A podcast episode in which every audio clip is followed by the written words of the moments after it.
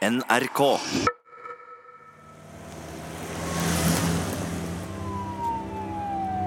Det, det var jo et sirkus.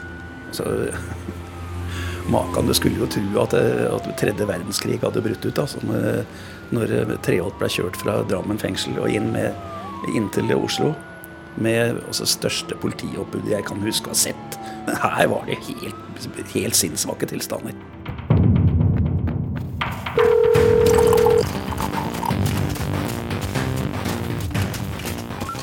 Du hører på Spionen Treholt. Jeg heter Line Alsaker. Del fem rettssaken.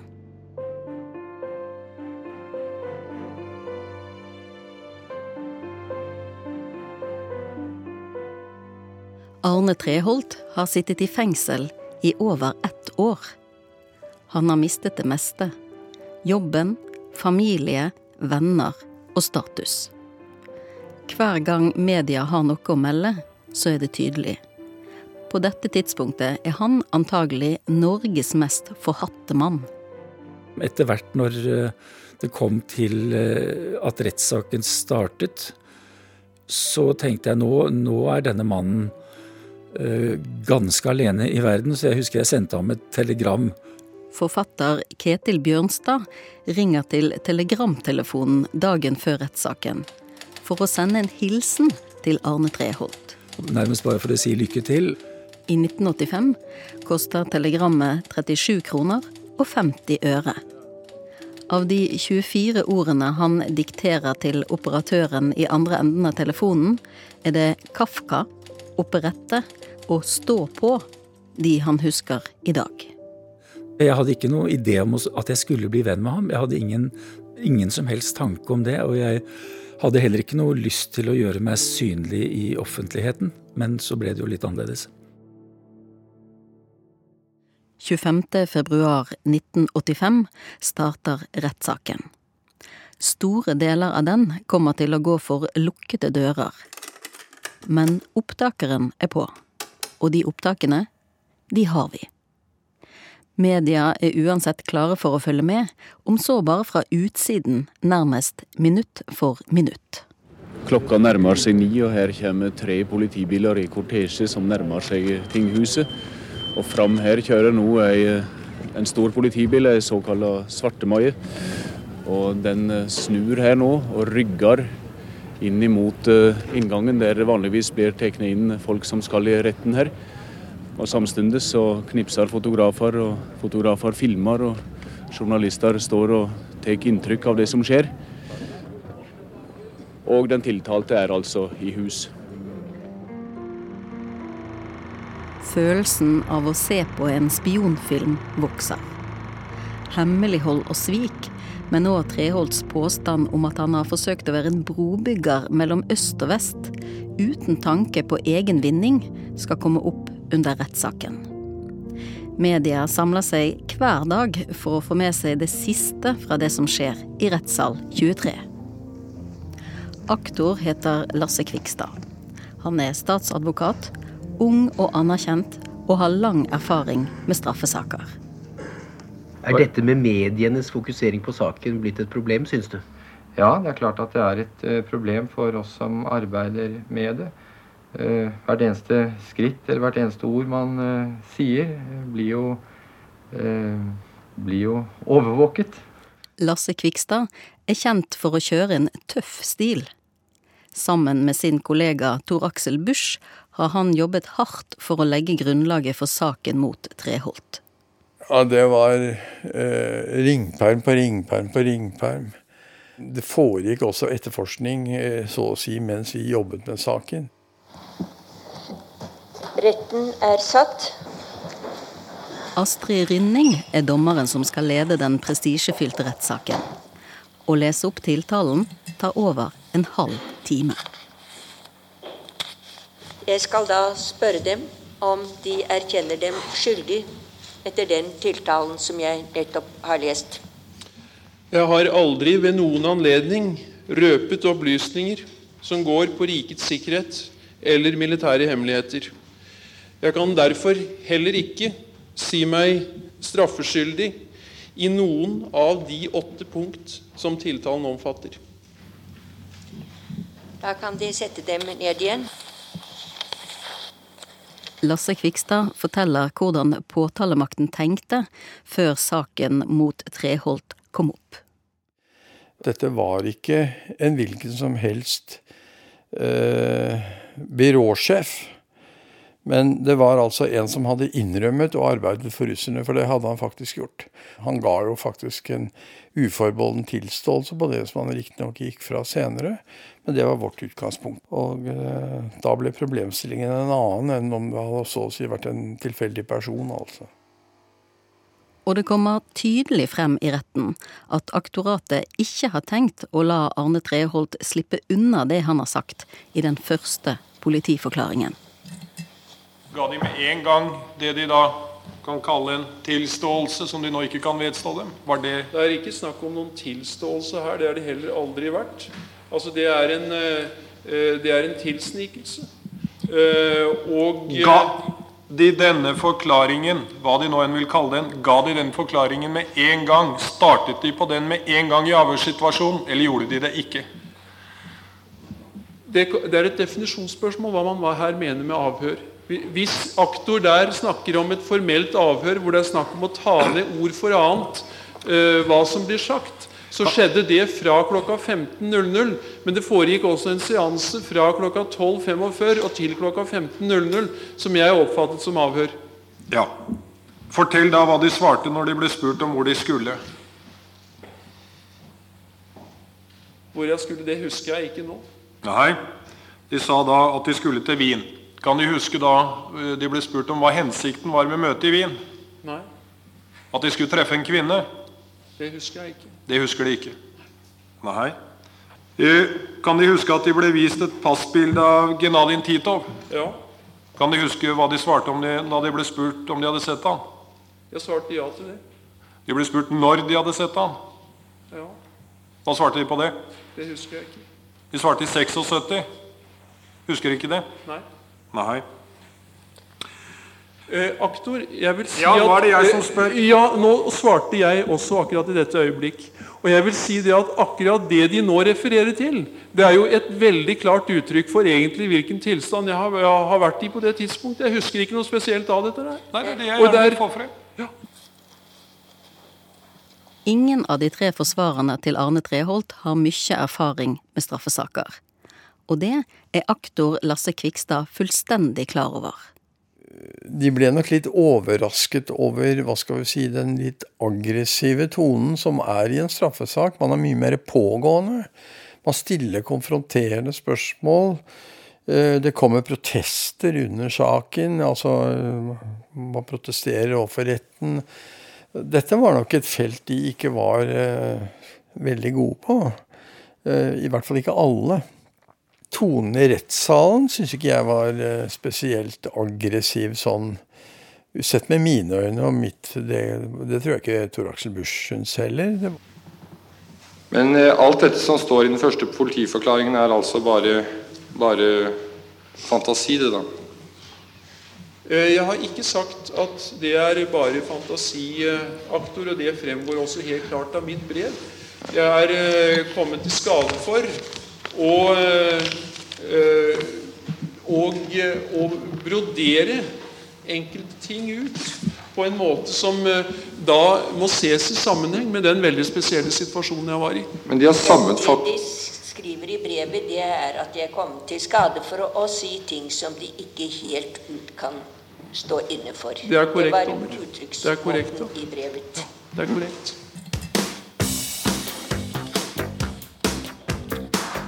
Da Arne Treholt skal forklare seg, vender han stadig tilbake til den måten han ble behandlet på da han ble arrestert. Han virker særlig opprørt over det han kaller politiets bruk av psykologiske sjokkeffekter, som han mener fikk han til å snakke for mye. Treholt sier at han opplevde denne første tiden som en slags Kafka-prosess, og er kritisk til at aktor bruker innhold fra de første avhørene som jeg føler sterkt belastende og ærekrenkende. Særlig eh, fordi aktor like godt som meg visste at enkelte av de opplysningene han der brukte, eh, var fremsatt av en person som var i sjokktilstand, og som befant seg i ytterste sjelenød. Og i starten går det ikke særlig bra for Arne Treholt. I retten kommer det frem at han har gradert opp dokumenter sjøl. Altså at han har gjort dokumentene viktigere enn de har vært i utgangspunktet. Er det en glipp som har skjedd, eller er det planlagt? Kan De huske om denne deres eget maskinskrevet eh, notat er gradert? Kan De huske det?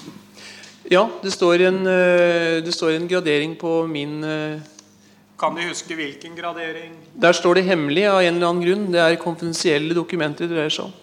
Hvorfor har de gradert den hemmelig da, Treholt?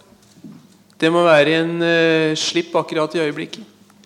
Det er ikke for det at de skulle overvurdere eller opp, holdt på å si, oppgradere betydningen av meldingen når de skulle overlevere den til noen, da. Da skal dere gå inn i rettssal 23. Hva heter du? Jeg heter Mona. Hva skal du gjøre? Hvorfor vil du være med på denne rettssaken? Nei, Det har vært skrevet innmari mye om det. Det er veldig spennende å se hvordan det går. Jeg mener selv at Trialt er forhåndsdømt, så det blir spennende å se hva som skjer. Selv om det er litt galt, da syns jeg at eh, TV skal være å ta bilde av Trialt og sånn. Det kan jo være litt vondt for ham, kanskje. Hjemme hos Arne Treholt har overvåkingspolitiet funnet enorme mengder med dokumenter. Et av vitnene beskriver det som at det bestandig fløt med papirer og dokumenter overalt. Mange av disse dokumentene i leiligheten er graderte, og retten må finne ut hvilke av disse dokumentene Arne Treholt kan ha overlevert. For aktoratet vet ikke om Treholt kan ha delt alle dokumenter han har tilgang til, eller bare en del av de. Når det gjelder eh, når det gjelder dette første punktet, som går på de 832 dokumenter av fortrolig karakter som er funnet da i mitt såkalte hjemmearkiv. Treholt legger vekt på at alt av papirer har ligget fremme. Vil jeg gjerne få lov å knytte følgende kommentarer til det. Det er eh, først å bemerke at dette er et arkiv som er ligget åpent og fritt tilgjengelig for alle og enhver. Det har ligget der for budne og ubudne gjester. Med ubudne gjester mener nok Arne Treholt å sende et stikk til politiets hemmelige ransakinger. Poenget hans er at han ikke har skjult dokumentene. Eh, når det gjelder eh, Unnskyld et øyeblikk. Eh, ja, men hvordan var de kommet i besittelse av dette arkivet? Var de i orden at de hadde dette arkivet hjemme? Eh, dette eh, hjemmearkivet, som eh, er meget omfattende Jeg har hørt på store deler av opptakene fra rettssaken. Og noe av det som slår meg, er at Arne Treholt snakker mye med litt snirklete formuleringer når han først slipper til kommentator Harald Stanghelle. Retten eh, ga vel med litt ujevne mellomrom signaler om at han burde holde seg mer til saka. Eh, Arne Treholts kamp eh, var jo å dra retten inn i den verden av diplomati og politikk og forhandlinger, av internasjonalt arbeid, som hadde vært hans vær. Og han kjempa hardt for å få dem med inn i sin verden.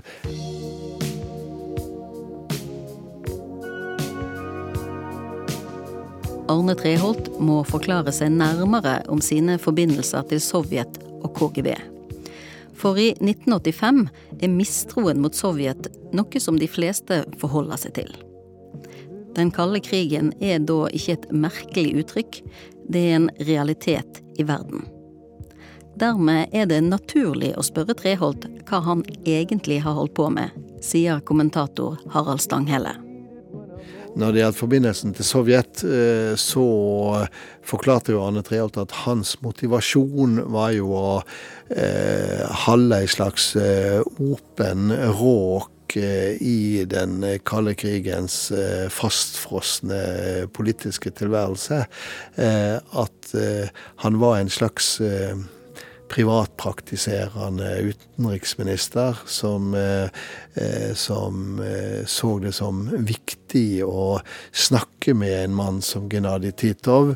At han fikk opplysninger som var viktige for hans forståelse av, av det som skjedde innad i Sovjetunionen. Eh, og at dette var opplysninger som eh, han ikke gikk til utenriksministeren med, men som han mer eller mindre indirekte eh, kunne, kunne bruke i, i, en forståelse av, av det som skjedde. Og det er vel her én side ved meg kanskje kommer inn. At jeg tror på dialog. Det ligger i dialogen en erkjennelse av at det i en komplisert og farlig verden er bedre å snakke sammen enn å slåss.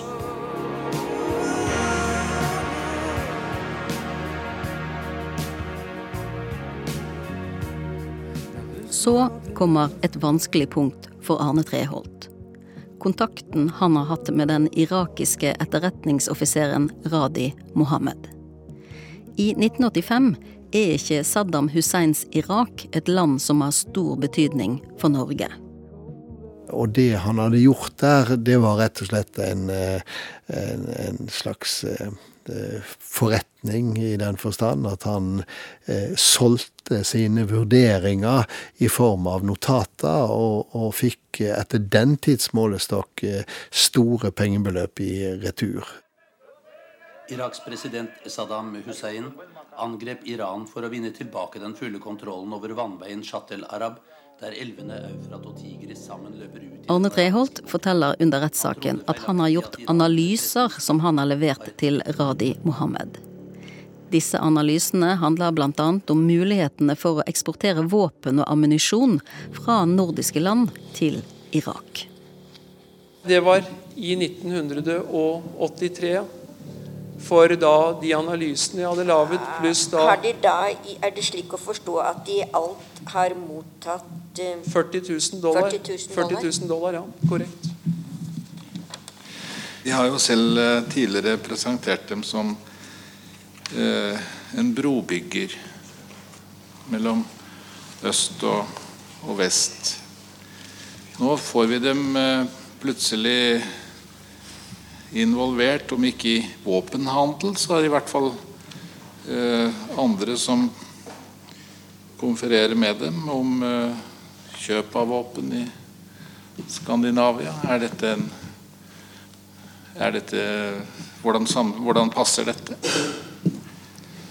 Det passer vel ikke egentlig så veldig godt sammen, men jeg vil Aktor Lasse Kvikstad forteller i retten om en maskinskrevet lapp politiet finner i stresskofferten til Treholt da han blir arrestert. Denne lappen mener politiet har tilknytning til Radi Mohammed. Det heter på denne lappen Møtte 1645, to timers samtale.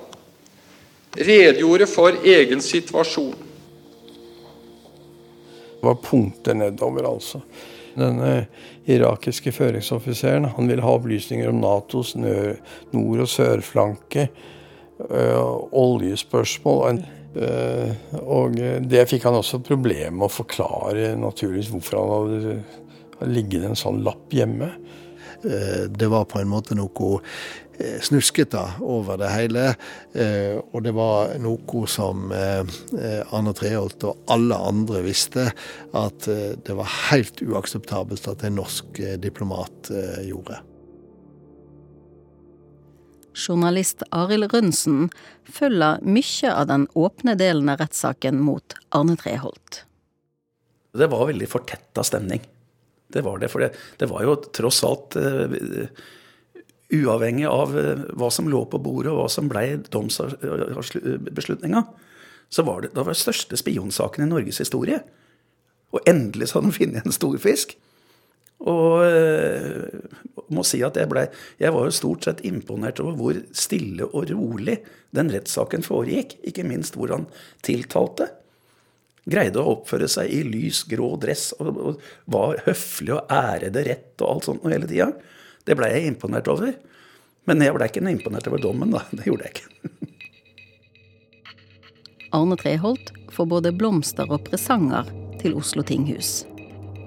Og sjøl om sikkerheten er streng, kommer stort sett alle gavene frem. I forrige uke klagde Treholt over at han fikk magesmerter etter å ha spist konfekt fra en av disse gavepakkene, en kong Haakon-konfekt som han fikk mens retten ennå var åpen. Denne konfekten er altså nå sendt til Kriminalpolitisentralens laboratorium for kjemisk undersøkelse. Så vidt vi vet, fant de aldri ut om Treholts magesmerter skyldtes at han hadde blitt forgiftet av konfekten, eller om de kom av andre og mindre dramatiske årsaker.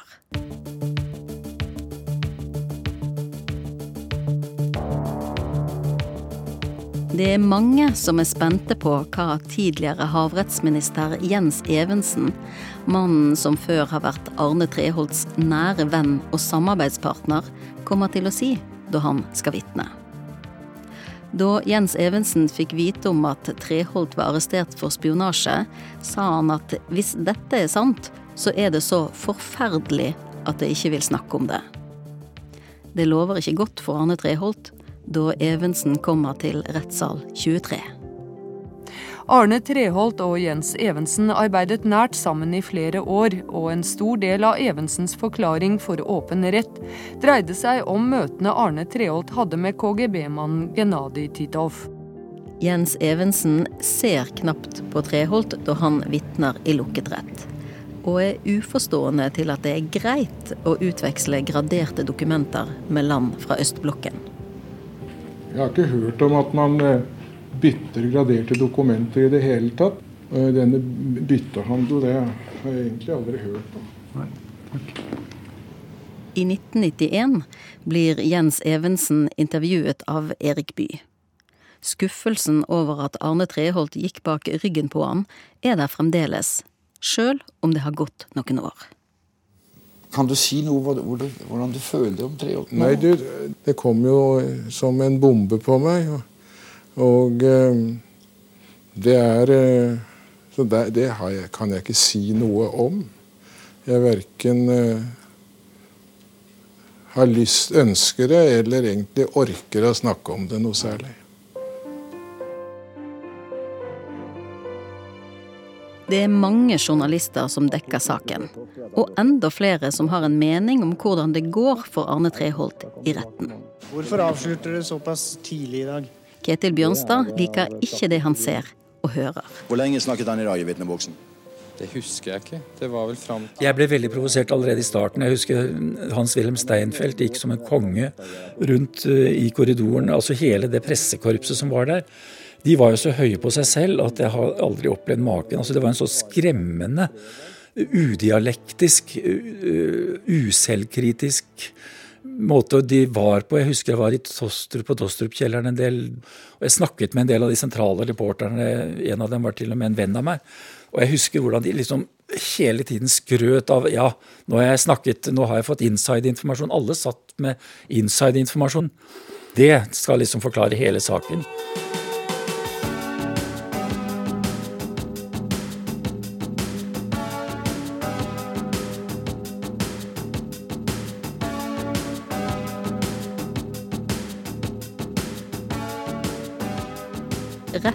Trenger sakkyndige som kan vurdere eventuelle skadevirkninger i forhold til fremmede makter. Statsviter og direktør ved Fridtjof Nansens institutt, Willy Østreng, er en av de.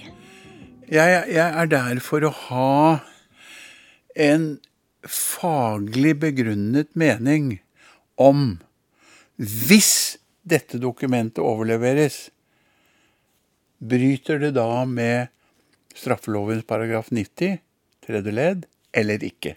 Det har jeg en mening om. De sakkyndige er ikke med for å finne bevis verken for eller mot den tiltalte.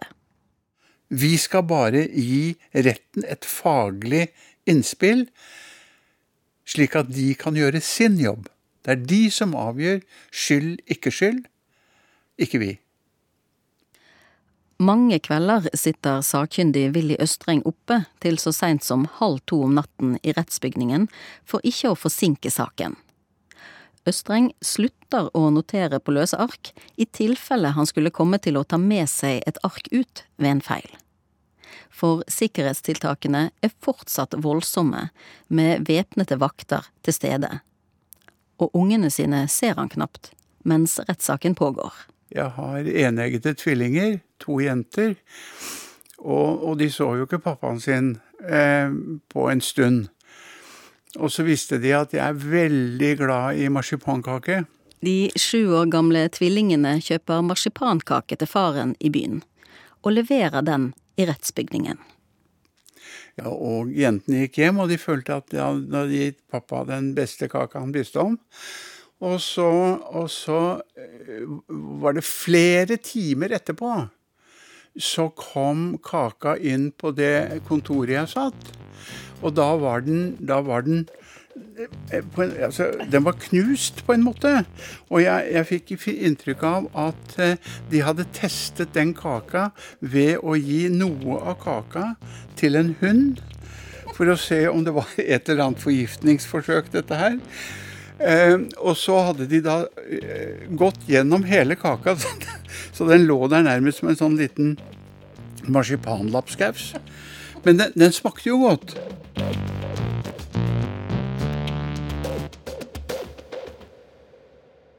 Så kommer dagen da et russisk vitne kommer til rettssal 23. Han var egentlig russisk avhopper til CIA. Eh, og han hadde ingenting å fortelle om Treholt-saken, eh, men han kjente godt til russernes arbeidsmetode, for han hadde vært innenfor systemet. Denne dagen er sikkerheten enda strengere enn ellers i tinghuset. Ingen skal vite at KGB-avhopperen er der for å vitne. For retten har fått vite at han risikerer livet dersom det kommer ut at han er i Norge. Retten er satt, og vi fortsetter. Pga. trusselbildet er han derfor oppført med navnet Stein Lunde på vitnelisten. Istedenfor sitt egentlige navn, Stanislav Levtsjenko. Ingen skal se han, og ingen skal vite at han har vært i retten. Og eh, som det da er viktig at eh, hvis nærvær her i retten ikke blir røpet eh, så det er derfor vi har ført han opp under det navnet. Men uh, han skulle være klar. Den russiske KGB-avhopperen kommer inn i rettssalen på krykker. Han har gips på det ene beinet. Men gipsen er kamuflasje og kan enkelt fjernes. Levtsjenko har gipsen kun på for å få oppmerksomhet mot noe annet enn ansiktet. Han går eh, litt dårlig til bens, så han Levtsjenko forteller om hvem KGB forsøker å rekruttere som spioner. Ofte er det folk som er frustrerte der de jobber. Yes, they're frustrated. And, um, you know, KGB never starts contact with somebody just, you know, out of nothing, you know. Research is going on all the time. Folk med stort ego har svakheter KGB benytter seg av, sier Levtsjenko. However, among the most common vulnerabilities, uh, one can list uh, ego problems. And uh, for instance, uh, among political circles, you will usually find few people with ego problem in any country. Agenter er bare mennesker, og må derfor presses kontinuerlig av føringsoffiseren for ikke å bli late. Sometimes agent can be lazy, you know, he won't bring you anything, so you've got to, officer continuously has to press upon him. To dager etter står den superhemmelige KGB-avhopperen frem i VG, uten gips og med fullt navn. Lasse Kvikstad og aktoratet fremstår dermed som unødig hemmelighetsfulle. da snudde stemningen faktisk eh, etter det. Da ble pressen veldig kritisk igjen. Uh, uten å ha noe verken uh, Uten å ha egentlig noe særlig dekning for det. Men, men de ble liksom De ble sure, rett og slett. På godt norsk. På deg? Ja, på meg, for de trodde vel jeg sto bak det. Men jeg gjorde ikke det. Men ikke alt som blir sagt bak lukkede dører, blir tatt opp på bånd. Ærede lagmann, eh, vi skal nå komme inn på en, eh, noen spesielt følsomme ting i saken. Jeg må først be om da at alle observatører og også de sakkyndige forlater rettssalen, slik at det er færrest mulighet til stede her. Informasjonen i noen innlegg er så sensitiv at aktoratet egentlig helst ikke vil at den tiltalte, Arne Treholt sjøl, skal få høre på det som blir sagt. Vi prøvde å få Treholt eh, At dørene skulle lukkes også for Treholt, faktisk. For det var så sensitivt. Eh, menneskeliv sto i fare pga. Uh, hvis disse opplysningene kom på avveie.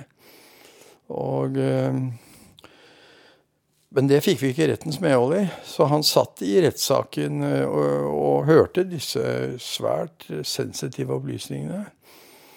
Og men vi følte at vi hadde ikke noe valg, fordi at vi måtte gi dette som en informasjon til retten, som en forklaring på hvorfor saken hadde kommet i gang, rett og slett. En av de som blir beskyttet, er avhopperen Oleg Gordievskij. KGB-mannen som tipset om Treholt. Da etterforskningsleder Ørnulf Tofte skal fortelle om opplysningene overvåkingspolitiet har fått fra Gordievskij, blir opptakeren slått av. Men fem år etter, i 1990, forteller historien om Treholt til NRK. And slowly, slowly the picture was clear that it was the same source with journalistic background, important agent, and so important that department head himself would go out to some capital in Europe, meet him, debrief him, get documents from him, take them home, and organize an, an, uh, a quick uh, analysis, translation. I 1977 overhørte Gordievskij kolleger diskutere en kilde KGB hadde i det norske utenriksdepartementet. En kilde som skulle ha journalistbakgrunn. Vinteren 1979 fikk han mer konkrete opplysninger om denne agenten. But then one day I actually saw his name. It was um, uh, after an important meeting uh, with Treholt, uh, Mr. Lopatin, Zhizhin, and uh, and I happened to be in the office of the department head, and the paper was on his table, and I just saw the uh, the, the paper with his name. Instead of writing his uh, code name, they put his full name in the paper. Navnet Gordievskij sier han ser, er altså Arne Treholt. Og det er denne informasjonen fra Gordievskij Ørnulf Tofte kommer med, som ikke må komme ut. Under pressebrifingen om ettermiddagen er Lasse Kvikstad like lite informativ som han pleier. For Treholt påskeferie er det fri. Blir han å se i løypene på Konnerud i påsken? Det tviler jeg på. Ja ja, vi får vel ikke stort mer ut av det. Kan ikke si noe om det. Du er sta òg? Ja, jeg visste jeg er sta. Ja da. Nei, nei.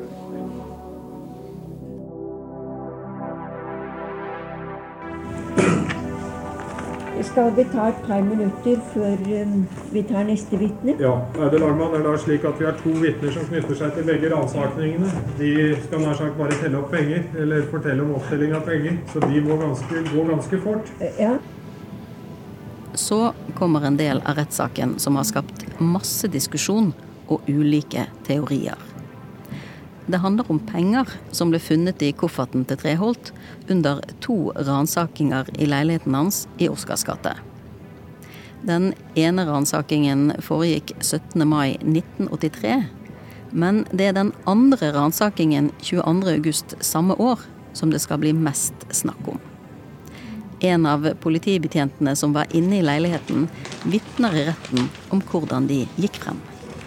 Og i det første store rommet så ligger det da en bunke med 10 000 dollar i nye 100-dollarsedler i nummerrekkefølge.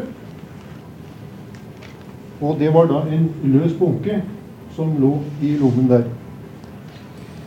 Ja, ble det funnet ytterligere pengebeløp? Ja, det ble funnet i en hvit, vanlig konvolutt.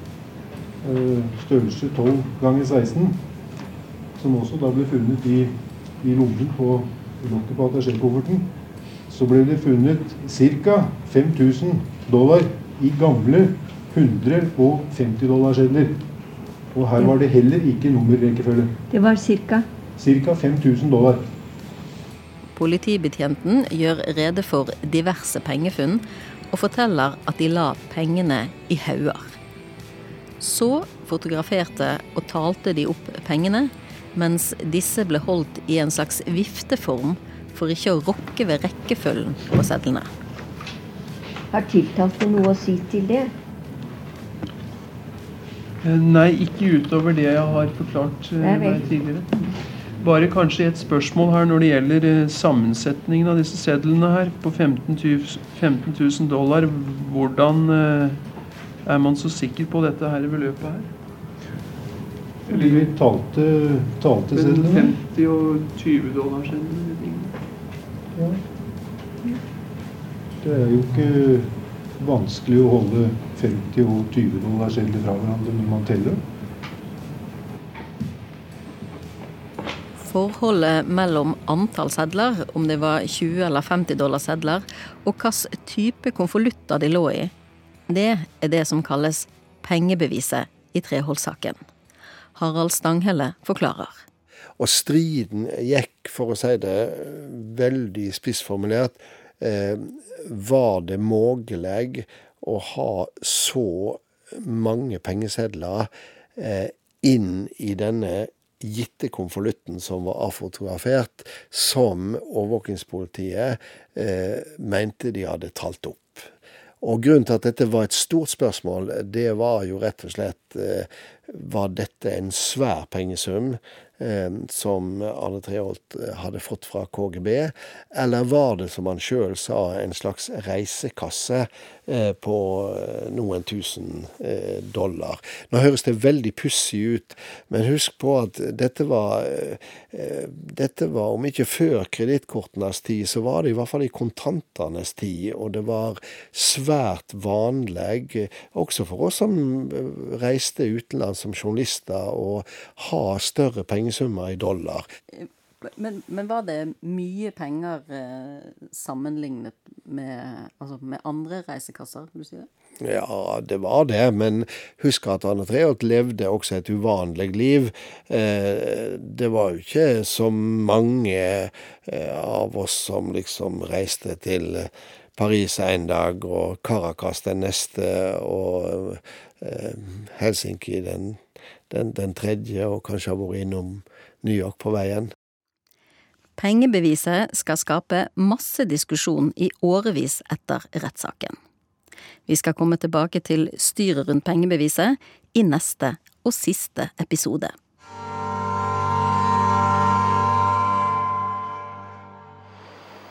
Allerede tidlig i morges slo væpnet politi en jernring rundt Oslo tinghus.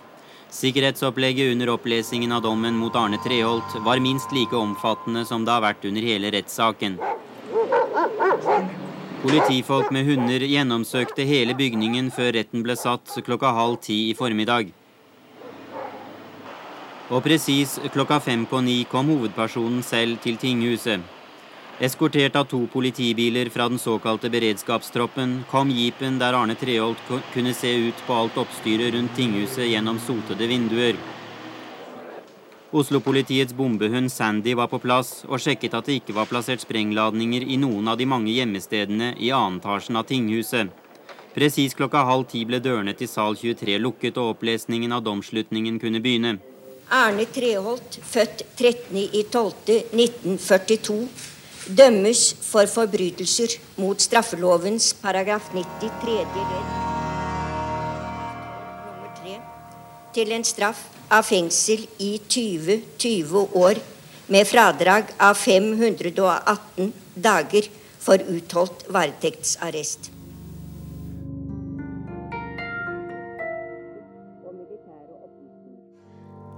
Det tar sju timer å lese opp dommen. Og dommer Astrid Rynning avslutter med den replikken som har vært mye sitert. En høytstående politiker som svikter den tillit som er vist ham ved å kompromittere hemmelige opplysninger han er betrodd, utøver svik mot oss alle. I tillegg til fengselsstraffen på 20 år må Treholt betale drøyt 1,1 millioner kroner til statskassen og 100 000 kroner i saksomkostninger. Det er et gjennomgående trekk ved dommen at Treholt ikke er blitt trodd. Av det Treholt har forklart, legger retten mest vekt på det han sa i politiforklaringene, som han senere trakk tilbake. Retten gir i dommen en levende beskrivelse av hva som skjedde da Treholt ble arrestert, og mener at han her oppførte seg nettopp slik man kunne vente av en skyldig spion.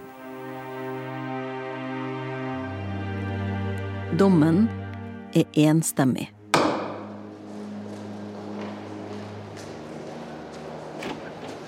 Og så ble du tatt uh, gjennom disse litt kronglete, kronglete korridorene da, i håndjern på begge sider.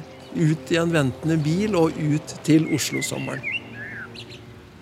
I 2009 forteller Arne Treholt i Banden i NRK P3 hvordan det føltes da han gikk ut av rettssalen den 20. juni 1985. Kjørte oppover eh, Bygdø allé, og du hadde liksom Det var Oslo-sommer på sitt aller beste. Og der satt jeg i håndjern i, bak, i baksiden på en politibil med politifolk eh, lenka til meg på begge sider. Og jeg tenkte hva er dette? Men Arne Treholt har andre planer enn å sitte passiv og innesperret.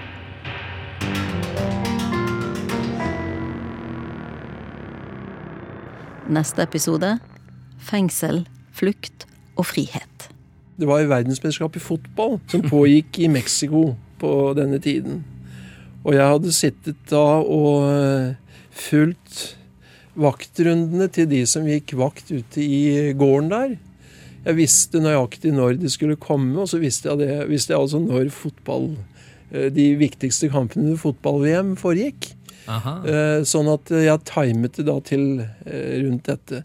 Så hadde jeg da en medhjelper som da skulle komme, klatre med da en stige over eh, en sånn sammenleggbar plastikkstige. Skulle han da ta seg over den seks-syv meter høye muren og over til da den bygningen hvor jeg satt. Og så skulle han komme ned med en skjærebrenner og skjære meg ut, og så skulle vi sammen da flykte over hustakene.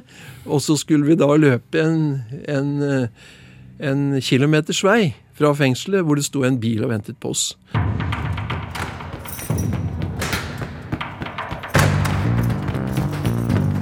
Du har hørt femte del av seks av Spion Treholt.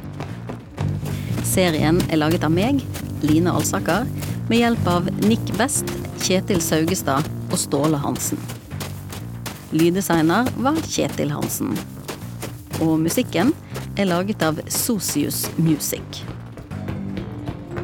Takk til NRKs researchsenter ved Sissel Holsæter.